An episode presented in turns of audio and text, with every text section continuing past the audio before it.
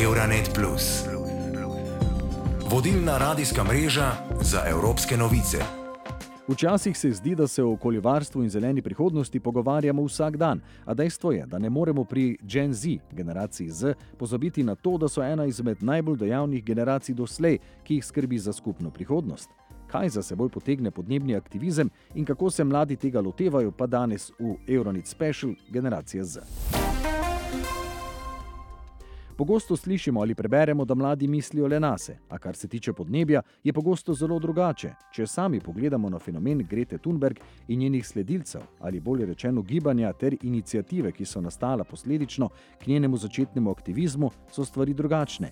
Dober odziv generacije zaznavajo tudi pri Društvu Ekologi brez meja, tako pravi predsednica Katja Sreš. Uh, so in zelo dobro imajo razdeljeno idejo o tem, kaj si želijo in kaj bi morali vsi skupaj kot družba narediti, kar je seveda zelo super, ker nam nekako olajša celotno delo. Uh, opažamo, da so zelo angažirani, da uh, tudi pišejo, naprimer, proizvajalcem izdelkov, se obračajo na njih, uh, predvsem se mi zdi fino, da se izkoriščajo tudi družbena omrežja za neko tako pametno komunikacijo. Kaj ti včasih, kak proizvajalec ali pa odločevalec zgolj rabi neko idejo ali pa nek uh, ta pritisk uh, strani potrošnikov. Aktivno soočanje in delovanje pri zaščiti podnebja in planeta Zemlje za mlado generacijo Z ni enostavna naloga. Najprej je potrebno identificirati problem, na to se aktivirati in potem biti aktiven in delovati organizirano. Pija Zupančič iz Gibanja Mladi za podnebno pravičnost ob tem izpostavlja, da Ja, je kar stresno, bi rekla, ker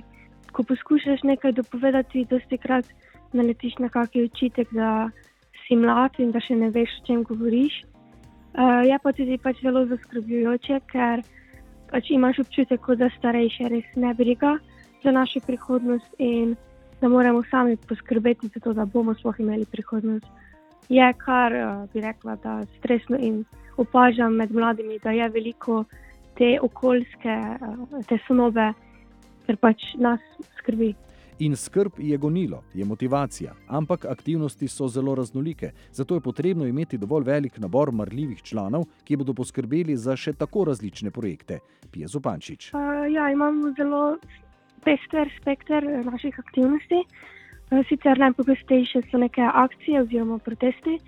Na teh akcijah potem opozarjamo predvsem politike, da pač je res zadnji čas, da se mora ukrepati. Potem, poleg teh akcij, pa seveda se še vključujemo v različne projekte, tudi se trenutno pomagamo pri obnavljanju in urejanju avtonomnega prostora Plac.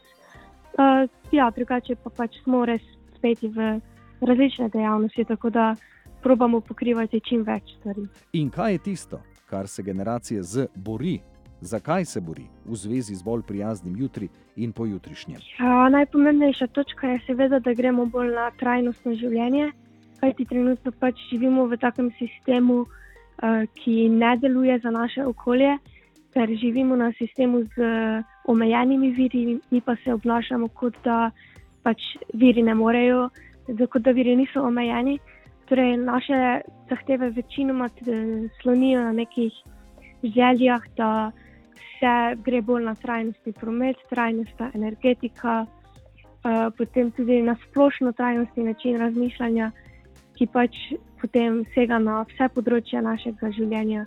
Tako da načeloma mi želimo, da vsak posameznik in pa tudi kot sistem spremenimo, kako pač delamo stvari. Ne glede na to, kateri generaciji pripadate vi, je čas, da postanemo bolj aktivni prav vsi in to že danes.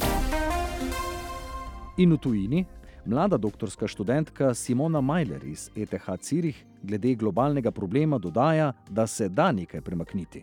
Well, well, way... Mislim, da je na nek način. Predvidevam, da je podnebna kriza globalni problem, potem pa pride do zelo različnih lokalnih okusov. Potem mislim, da ne moremo nekaj, kot je podnebna kriza ali naše globalne podnebne spremembe, vzeti osebno in jih razumeti po svoje. Vem, kaj to trenutno pomeni za nas in mislim, da moramo na nek način to rešiti na svetovni ravni, vendar moramo razumeti, kaj to pomeni za nas. Torej, govorimo o približno dveh stopinjah, segrevanju v poprečju v svetovnem merilu. To ne pomeni, da bo vsak kraj postal dve stopinji toplejši, to pomeni, da so spremembe nekje večje kot druge. Za nekatere države globalno segrevanje ni tako bistveno. Pri nekaterih državah se to denimo kaže v povečevanju poplav. Ta osebna povezava ali to osebno zavedanje o tem, kaj globalne spremembe pomenijo za vsakega od nas, je zagotovo lahko močno gonilo pri reševanju te podnebne krize. Um, can for sure be a strong driver in, in solving this climate crisis. Torej smo ljudje soodgovorni. Kaj pa politiki? Lahko računamo tudi na njih, ali se leti bolj izogibajo podnebnih tem? Kind of Mislim, da obstajajo celo takšne raziskave, ki dokazujejo, da z vidika širše javnosti politolog ne izgubi veliko svoje verodostojnosti, če govori o podnebnih spremembah. Torej, mislim, da ta strah izvira bolj iz znanstvenih področji. Zdi se mi, da bi bilo pomembno vzpostaviti to neodvisnost od politike že veliko prej. Po drugi strani mislim, da sedaj javnost želi, da bi bili raziskovalci in podnebni znanstveniki bolj politični in bolj aktivni. In zelo sem vesela tega odmeva v znanosti, saj mislim, da je naša naloga razumeti ta podnebni sistem. Torej, če dobimo glas in če nas javnost sliši, potem mislim, da bi morali to izkoristiti in spregovoriti o tem, kar vemo, in pomagati voditi to razpravo in morda tudi usmeriti korake k njej. Karkoli mislimo, da je potrebno za boj proti tej podnebni krizi, je vredno uporabiti. Stvari so torej dokaj jasne in dobesedno.